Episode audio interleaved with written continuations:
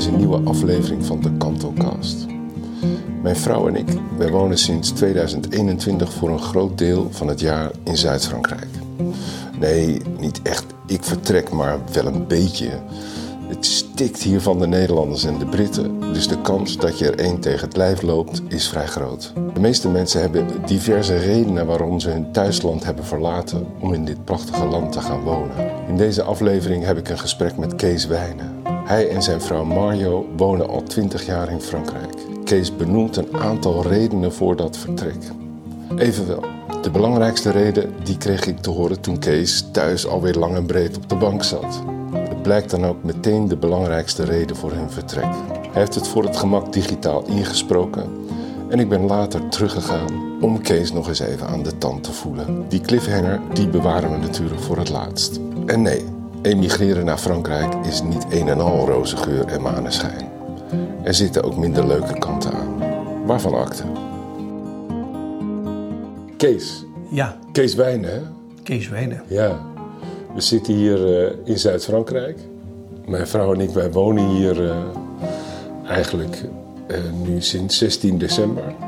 Ja, we zijn hier begonnen met een, eh, een, een château te verbouwen om kamers te verhuren, Ja. huisjes te verhuren. En eh, er wonen hier heel veel Nederlanders in de buurt. Ja, En- en, en- Engelsen. En Engelsen. Ja. ja. En, en jij bent er één van, samen met je vrouw, Mario. We hebben jullie ontmoet. En ehm, ik dacht, nou, ik ga die man interviewen voor een podcast. Wat jij volgens Ja, mij... begrijp ik nog steeds niet. Nee, hoor. je maar, vindt, het, eh, je vindt het ongemakkelijk, hè? nee, helemaal niet. Nee, dat Nee, niet. nee, Nee, En ik neem dit altijd op onder de hoed van de kantelcast. En de kantelcast gaat eigenlijk over kantelmomenten in iemand zijn leven. Dingen, eh, beslissingen die je genomen hebt of die je overkomen zijn, die maken dat je leven opeens een andere kant Ja, op gaat. ja, Of eh, een plotseling inzicht waardoor je heel veel geleerd hebt. Eh, soms natuurlijk door minder leuke gebeurtenissen, maar soms ook door hele positieve gebeurtenissen. En het ligt voor de hand natuurlijk, jij woont hier in Frankrijk. Was, was dat nou een kantelmoment eh, voor jou? Ja, absoluut. Ja? absoluut. Want waarom heb je die beslissing genomen? Eh, nou, die beslissing die hebben we genomen natuurlijk niet eh, voor, voor één ding. Er zijn meerdere factoren die daar een rol in spelen. Ja, Ik had in ieder geval een hele stressvolle baan. Ik werkte in de automatisering. Een groot eh, IT-bedrijf, Japans IT-bedrijf, maar op Amerikaanse cultus. Dus presteren en, en omzet draaien, geld. Eh. en ehm, op zich een, een leuke baan, dat wel, maar veel stress, veel op de weg, veel in files, veel naar klanten toe. Eh, en ik dacht, goh, als ik dit, eh, ik zie me dit niet tot mijn 65ste te doen. Je krijgt natuurlijk nieuwe, eh, nieuwe collega's, eh, jonge, jonge honden, eh, carrièremakers. Ook de, de sfeer, de werksfeer begon te veranderen. Het was een, echt een e-mail gedreven cultuur daar eh, bij, bij dat bedrijf.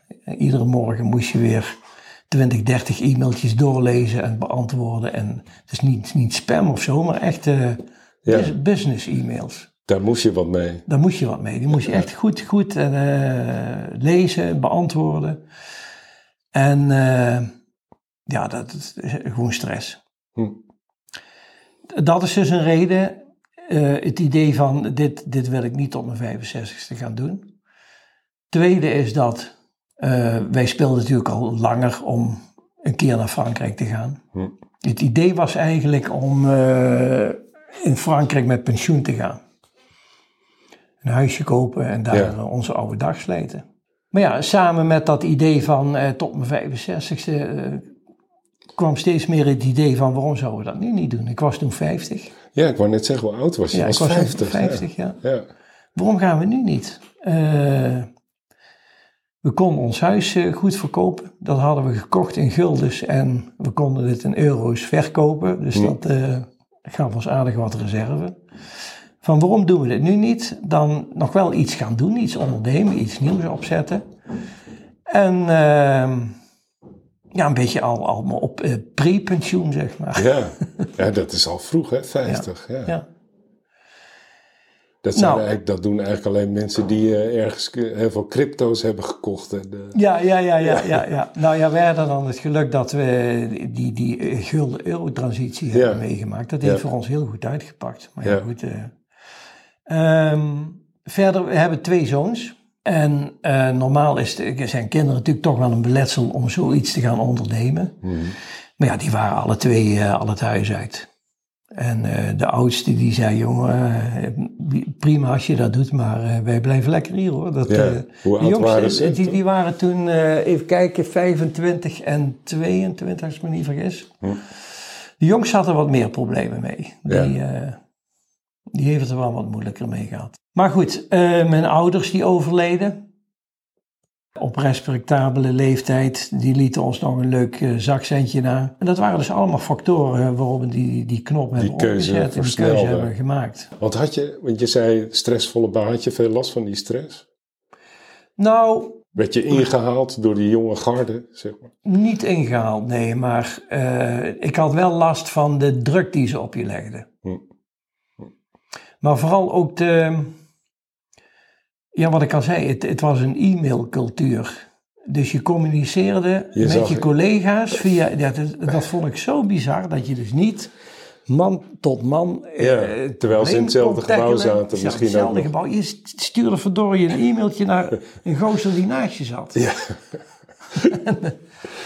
En dat is levensgevaarlijk, vond ik altijd. Want het grote probleem van eh, schriftelijke communicatie, eh, een e-mail, er zit geen klemtoon in Nee. een e-mail. Inderdaad, dat bleek ook regelmatig. Er stond er, ontstond er in het bedrijf weer een, een hoop heisa en, en gedoe. En, eh, Over het ja, geschreven het helemaal niet bedoeld. En dan, dan werd er dan eindelijk eens een keer een vergaderingetje of een Ja, ja. overleg. Zat je wel weer bij elkaar. Zat je bij elkaar. en dan was ik zo zat. Dus je mist het niet? Nee. Dus je was 50 toen je... Ik eh, was 50, eh, Mario 48. Ja. Maar ja, eh, sprong in diepe. Ja, ja precies. Want eh, nou, je had wel enige reserves, vertelde je al. Ja. Eh, huis verkocht, erfenis. Ja, wij kwamen dus ook niet in aanmerking voor eh, ik vertrek. We hebben, ik heb eens een keer iemand gesproken die, was, eh, die werkte voor die ploeg. En zij zei, ja, je komt er toch niet zo makkelijk in. Je krijgt dus eerst een intakegesprek. hè. Ja, En dan wordt er zo aan je gevraagd van, eh, goh, dus jullie gaan eh, naar Frankrijk. Vertel eens, wat eh, spreken jullie de taal nu? Nee, we spreken geen woord Frans. Oh, dat was een... eh, ja, dat is een pre. dat is een pre, hè? ja. En hebben jullie, een van, hebben jullie een beetje financiële ruggensteun? Nou ja, eh, eh, we moeten ons huis verkopen en dan hebben we nog 50.000 gulden over. Om het te verbouwen, ja. Ja, Oh, geweldig, geweldig. ja, Ja. Ja. En hebben jullie kinderen? Ja, maar die willen niet mee. Oh, super jongen. Nou, dat is natuurlijk... ja nou, dat hadden is- wij dus allemaal niet. Nee, nee, jullie zijn eigenlijk te gewoon. Ja. Ja, ja, precies. En het heeft je nooit teleurgesteld, die stap om hier Nee, naartoe te nee, gaan? nee, natuurlijk wel eh, met, eh, het gaf natuurlijk wel veel zorg in het begin. Je denkt natuurlijk toch, eh, ja, gaat het allemaal wel goed? En je maakt natuurlijk altijd toch weer gekke dingen mee. Ja. En hoe houden jullie jezelf in leven? Ehm, nou, we hebben dus een, een eh, boerderij hadden wij gekocht in de Aveyron, redelijk afgelegen. En eh, daar hebben we dus een bed and breakfast zijn we begonnen en een kleine camping. En dat liep geweldig goed. Ja? Ja. Ja. En, en eh, want die heb je verkocht, hè, later? Ja, in 2007, we hebben dat, die boerderij gekocht in 2003. In 2004 zijn we begonnen. Eh, voor Mario ook een, eh, een hele opgave, want die moest ineens gaan koken voor eh 20, 30 man of zo. Ja, Nee, niet mis. Dat is ook nooit gedaan. En ik deed dan de afwas, hè, la plonge. Maar we hebben daar enorm van genoten van die periode. Samen iets doen, samenwerken. eh, ja, dat kan trouwens ook helemaal verkeerd uitpakken. Want je zit ineens eh, 24 uur op elkaar. Dat ging godzijdank heel goed. We hebben ook gezegd van ieder, ieder zijn eigen ding. Mhm. Mario kookte. Ik bemoeide me heel met, nadrukkelijk met de gasten. Ik, ik deed het ontbijt, ik deed de afwas, uh, ook meehelpen met de kamers. Uh, en Mario zat in de tuin en uh, inkopen doen, koken. Als zodra we iets samen gingen doen, ging dat moeizaam. Ja, we, we kennen elkaar nog niet zo lang, maar ik heb wel ontdekt dat je bent een geboren storyteller, een verhalenverteller. Hè? Je, je staat hier ook wijd en zijd bekend onder de Nederlanders als de, de man die prachtige verhalen oh, schrijft. dat? Ja, dat, dat is wel zo, ja. Nou, ik heb je hebt er ook een platform voor gevonden, want er zijn groepen van, Ja, ja, ja. eh, dat noemen ze lotgenoten. Ja, hè, dus ja. de lot zitten we hier. Eh, mensen die hier, net als jullie en wij, naartoe zijn verhuisd. Ja. Ja, wat, wat, eh, wat drijft jou om die verhalen... Wist je dat al eerder, dat je dat talent nee, nee, had? wist ik niet. Nee. Wist ik niet. Nee. Nee, ik was zelfs eh, eh, in, Nederland zelfs een beetje introvert, een beetje teruggetrokken. Ik trad niet zo graag op de voorgrond. Nog steeds niet trouwens, maar. maar ik vond, het bleek dat ik het ontzettend leuk vond om met gasten om te gaan. Om ze te adviseren. Wat, kunnen jullie doen hier nou je in Frankrijk bent? En, Ja. eh, ja, ook allerlei kaartjes voor ze gemaakt en, en, en eh, foldertjes en noem maar op. Dus die stap heeft je ook toegang gegeven tot onvermoede talenten. Ja, Ja, ja, namelijk gastheer zijn, ja, precies. gastheer verhalen zijn. gaan schrijven Ja, over wat je meemaakt. Nou, ik heb dus inderdaad, eh, ik ben daar geloof ik twee jaar terug mee begonnen om al die verhalen, want je hoofd zit natuurlijk helemaal vol met van al die belevenissen. Want we hebben dus in 2017 hebben we besloten om, eh, om een punt te zetten achter de Chambre d'Hôte en minicamping. Want het eh, enorm van genoten, maar het werd toch wel heel erg veel eigenlijk. Begon al- eh, ook het terreinonderhoud bijvoorbeeld. Enorm veel werk. Dus we wilden toch wel eens een beetje rustig aan gaan doen. En eh, ehm, toen zijn we dus naar eh, deze streek verhuisd. Maar goed, en, en toen heb ik gedacht van god, misschien toch wel leuk om al die belevenissen gewoon eens op papier te zetten. Dus ik heb ze allemaal opgeschreven. En eh, allemaal dit, dus ik heb een bundeltje gemaakt. Ja, zo'n boekje Er staan, heb je eh, gemaakt. ik denk nu 40, 40 verhaaltjes in. En eh, je kunt dat downloaden als je, als je wil op, Ja. eh, op, internet, op, op, op onze website. Jouw kinderen, want die zie je eigenlijk niet, hè? Nou, eh, één à twee keer per jaar. Eén à twee keer per Ja, jaar. en nou natuurlijk met eh, die hele coronatoestand was het helemaal... eh ja, heb je ze helemaal niet twee gezien? jaar, twee jaar lang niet gezien. Nee. Nee, en want hoe onderhouden jullie dan contact? Ja, via, FaceTime eh, via Facebook Ja. en, en, en WhatsApp en En ze komen wel hier naartoe. uiteraard. En Ja. is het iets wat gaat wringen op den duur? Of Ja, ja, ja dat eh, eh, je, het doet je wel beseffen dat je geen eh, modelouder bent. En dat je misschien, eh, wat dat betreft, eh, misschien wellicht wel een beetje tekortschiet in. eh, Hm. ja. Aan de andere kant dacht ik, ja, oké, maar luister. eh, toen wij naar Frankrijk gingen, waren ze 22 en 25 jaar. Maar eh wij, wij hebben uiteraard ook kleinkinderen. Onze oudste zoon die heeft eh, een dochter en een zoon. Die zijn nou 16 en 14, als ik me niet vergis. En onze jongste zoon die heb- heeft een tweeling, twee jongens van 11. Ja, en die zie je ook maar één of twee keer per jaar. En daar wringt het. Ja. Lijkt me lastig. En dat is lastig om daar een goede band mee, eh, mee te krijgen. Ooit het idee gehad om, nou ja, te denken, nou, dat is ons eigenlijk veel meer waard dan het huis in Frankrijk. We gaan weer terug. Eh, nee. Nee, want wij zijn toch wel erg verknocht aan onze huidige eh, leefsituatie. Ja. ja, ja, ik heb jullie huis gezien. Het is prachtig. Ja. Ik kan me er echt iets bij voorstellen. Dat, eh, dat je dat niet zomaar opgeeft. Dat is overigens wel iets wat ons bezighoudt. Hoor. Van ja, wat, wat, wat nu? Hè? Ik ben nou eh, 71. Wat gaan we doen als eh, een van ons twee iets gaat markeren bijvoorbeeld? Hm. Geen idee. Nee. De gezondheidszorg is hier waarschijnlijk iets anders georganiseerd. Ja, maar dan- wel goed hoor. Ja. Er staat hier een, een nagelnieuw ziekenhuis hier Ja, in deze ja. plaats. En wat is de uitkomst van die gesprekken? Overwegen jullie dan toch om terug te gaan? Nee, we, weten het niet. Eh, Financieel is het sowieso wel een probleem, want je verkoopt dan je, Frank, je huis in Frankrijk, maar daar kun je in Nederland amper een rijtjeshuis verkopen. Ja, ingewikkeld. We hè? weten het gewoon niet. Het hangt er ook vanaf van, kijk, zolang wij eh, gezond en wel zijn, is het allemaal geen probleem. Maar als je bijvoorbeeld lichamelijk iets gaat markeren, ja, wat doe je dan?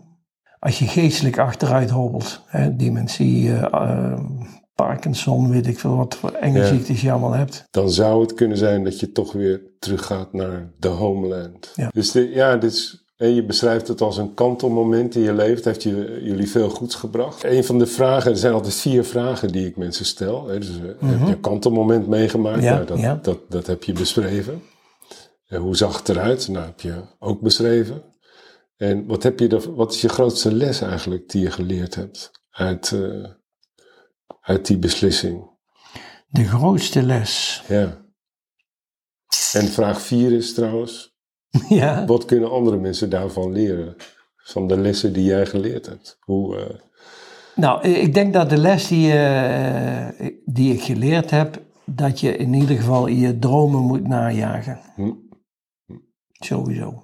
En dat je daar eh, af en toe wat risico's voor moet nemen. Alhoewel die risico's ook alweer meevallen. Want dat hoor je vaker van mensen. God, en dan naar Frankrijk, je moet er niet aan denken. Maar hoe moet dat dan met je, met je pensioen? En hoe moet het dan met je... We hebben hier toch een fantastisch sociaal eh, vangnet. En joh, schijtig uit.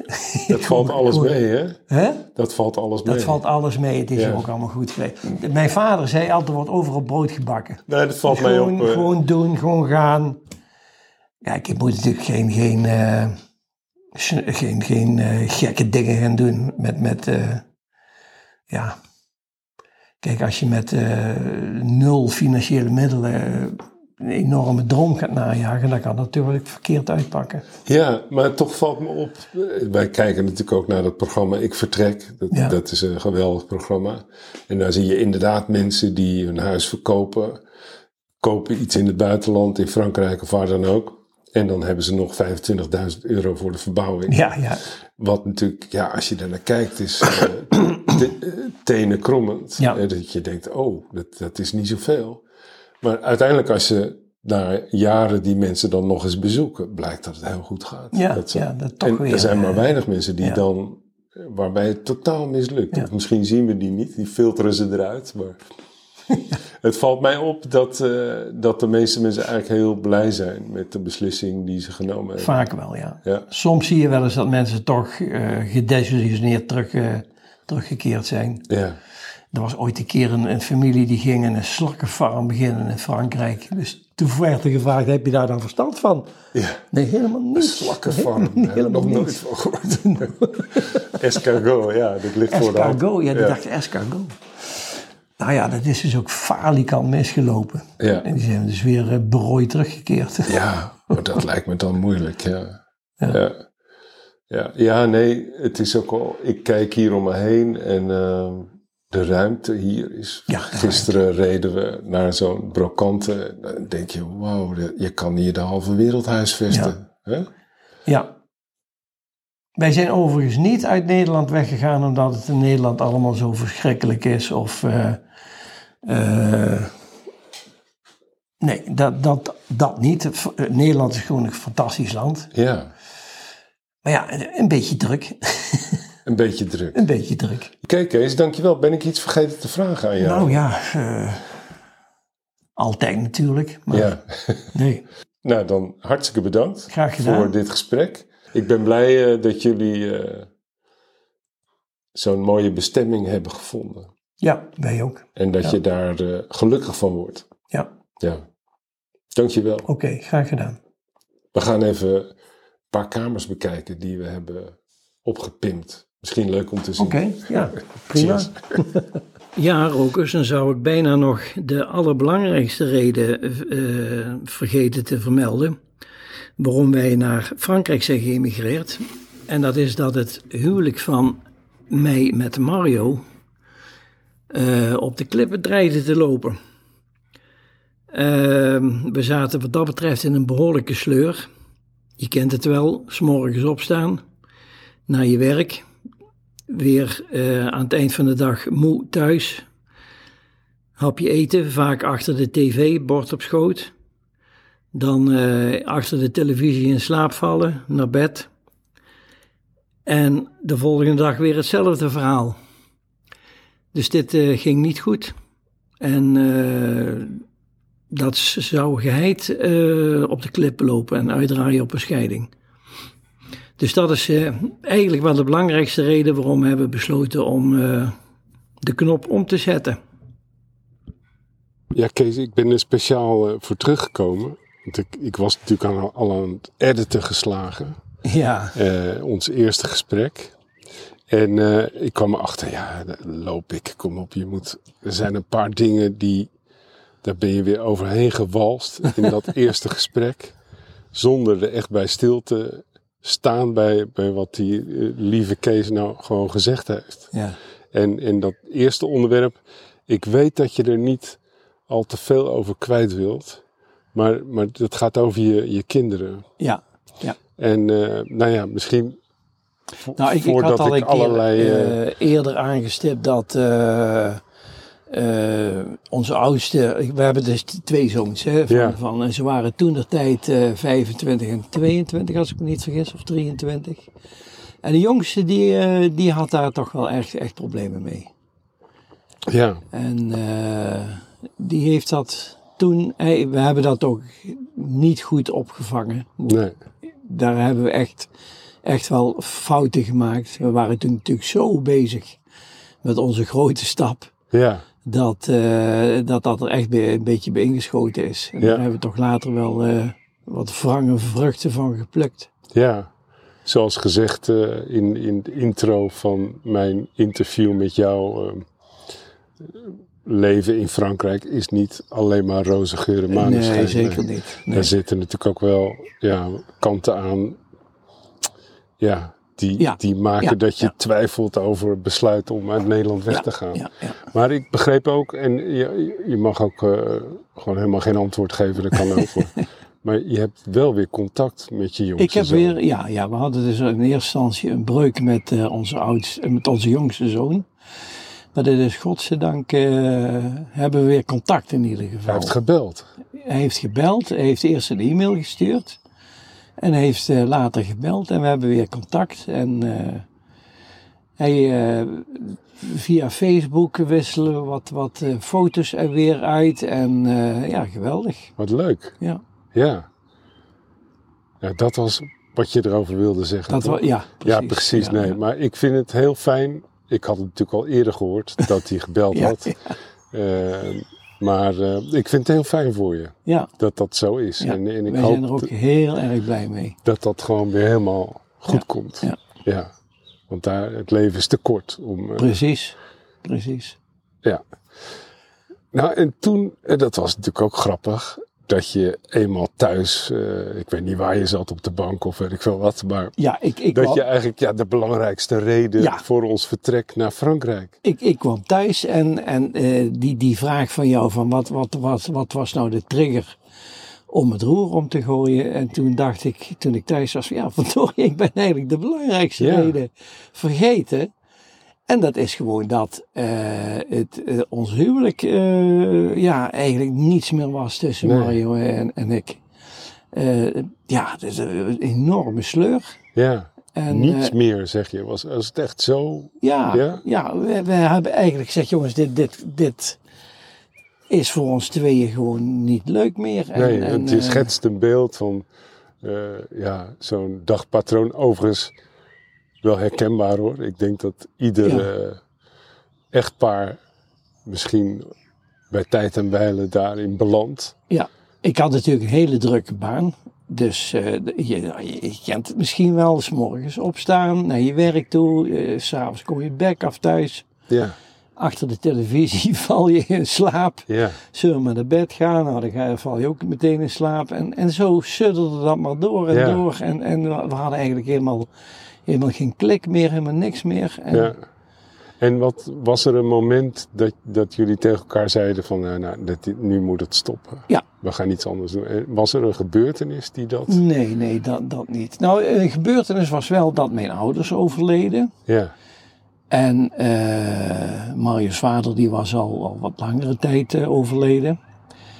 Eh, mijn ouders wat ik al eerder had gezegd, hadden een centje nagelaten. Ja. En toen begonnen wij toch te denken van, joh, moeten wij toch eens een keer niet, ook wat, wat onze relatie samen betreft, eh, het roer omgooien. Ook heel goed beseffend dat dat misschien ook weer eh verkeerd zou kunnen lopen. Want ja, ehm, ik had mijn, eh, een drukke baan, Mario die had ook de, er bezigheden.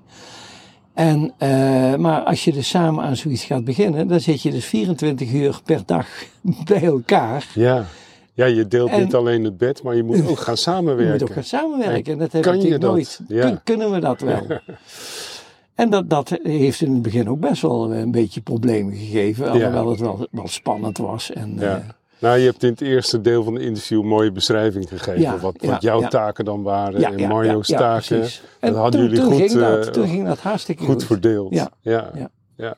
En het heeft jullie huwelijk gered. Dus. Het heeft eh, echt ons huwelijk gered. Ik denk dat wij anders eh, uit elkaar waren gegaan. Wauw. Zo simpel is het. Ja. Ja. dat is wel heftig hè, Ja, eigenlijk. Ja, ja. Dat, ja. Heel veel mensen roepen natuurlijk wel, ja, die rat race waar we onszelf in ja, manoeuvreren. Ja. Die zorgt dat je op een dag eigenlijk niet meer goed kunt zien en horen waar je mee bezig bent. Maar dat klopt dus ook. Dat klopt. Ja. Ja. En op een dag word je wakker en denkt, nou, dit werkt niet meer. Ja. Zou het kunnen zijn dat, dat misschien heel veel mensen te vroeg eh, scheiden? Absoluut. Ja. Dat, Ja. dat, dat misschien zo'n avontuur eh, een huwelijk zou kunnen redden, net als bij ik, jullie. denk- ja. ik denk, eh, dat ligt natuurlijk ook een beetje aan eh, hoe de maatschappij tegenwoordig in elkaar zit. Ik denk dat je, vroeger deed je dat niet zo gauw. Dat, dat was natuurlijk een schande dat je ging scheiden. Jeetje, Ja. je ouders en, Ja, ja, en, eh, en, de pastoor en de... ja. Nou ja, je kinderen, noem maar op. Ja, en eh, tegenwoordig dan, ja, als je, als je al niet getrouwd bent, dan stuurt men een, een WhatsAppje naar elkaar van, joh, ik kap ermee en zoek het maar uit. Ja, ja. Ja, en ik vind het gewoon heel interessant eh, wat je zegt, Kees. Want eh, corona, eh, nou ja, daar zitten we nu in, in de nadagen Ja, van ja. post-corona. Heel veel mensen hebben besluiten genomen in de afgelopen 2,5 jaar om hun leven ook om te gooien. Ja. De- ja, veel arbeidzame eh, levens kwamen tot stilstand, want thuiswerken of nou, noem maar op. En dan Ja. ga je nadenken. Er is een enorme trek van de stad naar het platteland. Ja. Mensen die Ja. kopen weer huizen. En er zijn ook veel ik-vertrekkers, volgens mij. Veel, Ja. veel mensen die Ja. het Nederland niet meer zien zitten om een of andere reden. En, ja. en, eh, ja. Ben je er trots op? Dat, eh, dat, dat, dat het jullie huwelijk gered heeft? ja, zeker, absoluut. We hebben echt een fantastische tijd gehad en nog steeds. We, eh, we hebben dus inmiddels onze chambre weer verkocht en we doen het nu wat rustiger aan. Een beetje een, een eh, ja, we zijn met pensioen, zeg maar. Ja. ja. Ja, heerlijk. We genieten elke dag. Nou, dat is grappig, want ik zie het ook aan jou. Ja.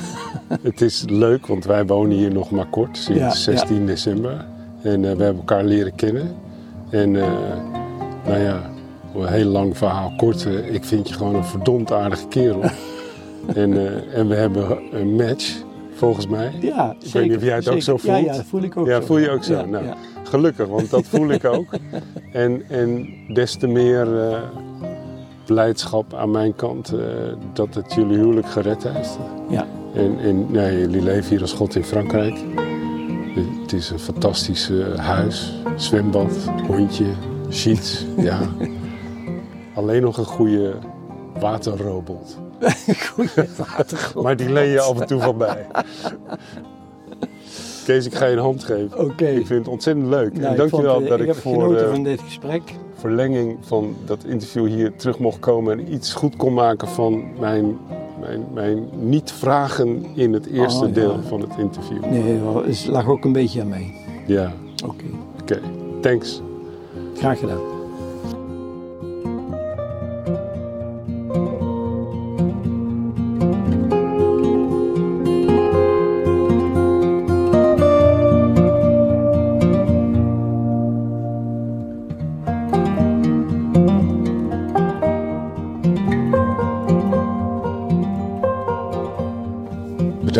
Luisteren naar deze aflevering van de Kantelcast.